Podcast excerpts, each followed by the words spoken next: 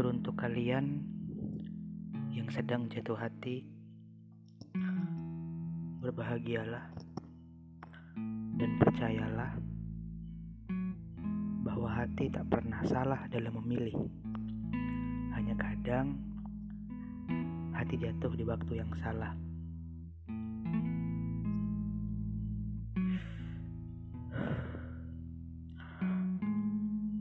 Teruntuk kalian yang sedang memperjuangkan hati,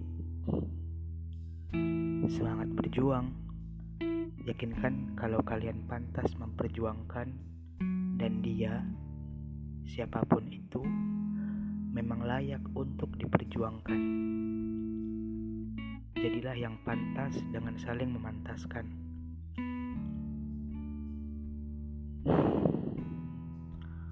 Teruntuk kalian yang tengah diperjuangkan, coba perhatikan perhatian-perhatian kecil yang diberikan.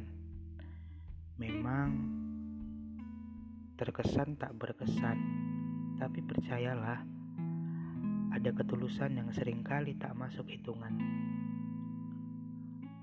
Teruntuk kalian yang tengah menjaga hati, ingatlah sulitnya memperjuangkan.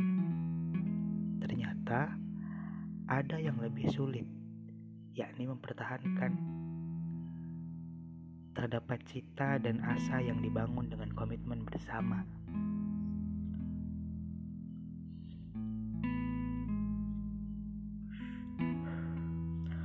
Teruntuk kalian yang sedang patah hati, silakan berdamai dengan keadaan. Jangan memaksa untuk melupakan. Sejatinya itu menguatkan ingatan.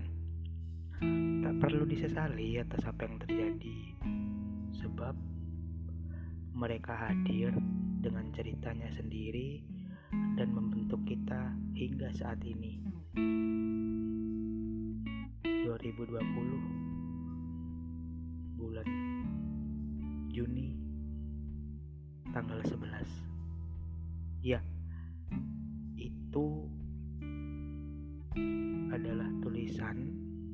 yang aku buat ketika sedang patah hati. Dan ya, sedang patah hati sekarang. Oke, teman-teman, selamat datang di podcast aku, podcast Nanang.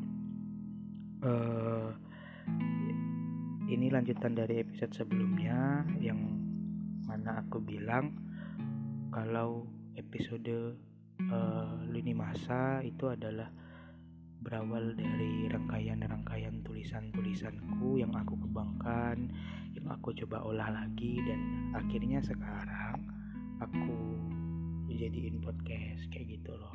Nah, mungkin teman-teman semuanya pasti pernah lah ya ngerasain yang namanya patah hati, jatuh cinta, atau mungkin eh, LDR gitu kan itu hal-hal uh, yang dekat banget gitu dengan kehidupan kita kaula muda gitu kan. Kita kita nggak bisa kita nggak bisa menolak itu karena ya memang begitu gitu loh. Kalau bukan kita kadang teman kita kadang sahabat kita.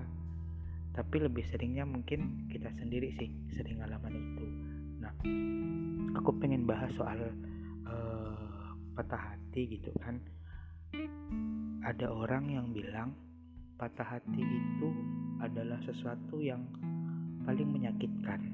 Dan ketika kita berhadapan dengan yang namanya patah hati maka kita semuanya itu dianggap pemula. Kenapa?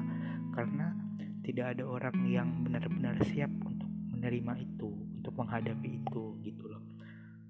Jatuhnya sebenarnya bukan patah hati sih tapi lebih kepada kehilangan gitu. Karena apa ya? Eh, kehilangan itu tentu sesuatu yang menyakitkan gitu kan. Apa pun apa pun apa pun yang hilang dari diri kita pasti kita akan eh, merasa sakit merasa sedih gitu.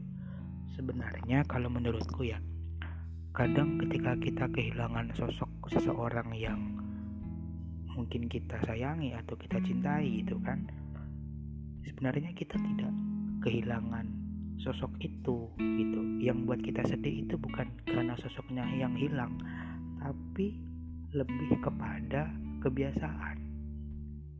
Jadi yang biasanya kita bareng sama dia yang biasanya kita sering ngobrol sama dia dia ada ngisi atau ngewarnain hari-hari kita. Kemudian ketika dia hilang kebiasaan-kebiasaan itu juga hilang gitu jadi kita kayak ngerasa kesepian kita kayak ngerasa ya kehilangan lah begitu ya mungkin teman-teman juga pernah ngerasain hal yang sama dengan apa yang aku rasain sekarang gitu kan. Cuman balik lagi nanti tergantung bagaimana kita menyikapi kehilangan itu atau bagaimana kita merayakan kehilangan itu. Karena setiap pencapaian perlu untuk dirayakan dan bahkan sebuah kehilangan pun bisa kita anggap pencapaian. Bisa jadi bisa jadi setelah kehilangan itu berlalu mungkin kita akan nemuin sosok baru yang jauh lebih baik mungkin yang bisa lebih menenangkan yang bisa lebih mengerti keadaan atau whatever lah. Yang jelas ya tentu selalu ada harapan-harapan baik setelah kejadian buruk kan gitu ya.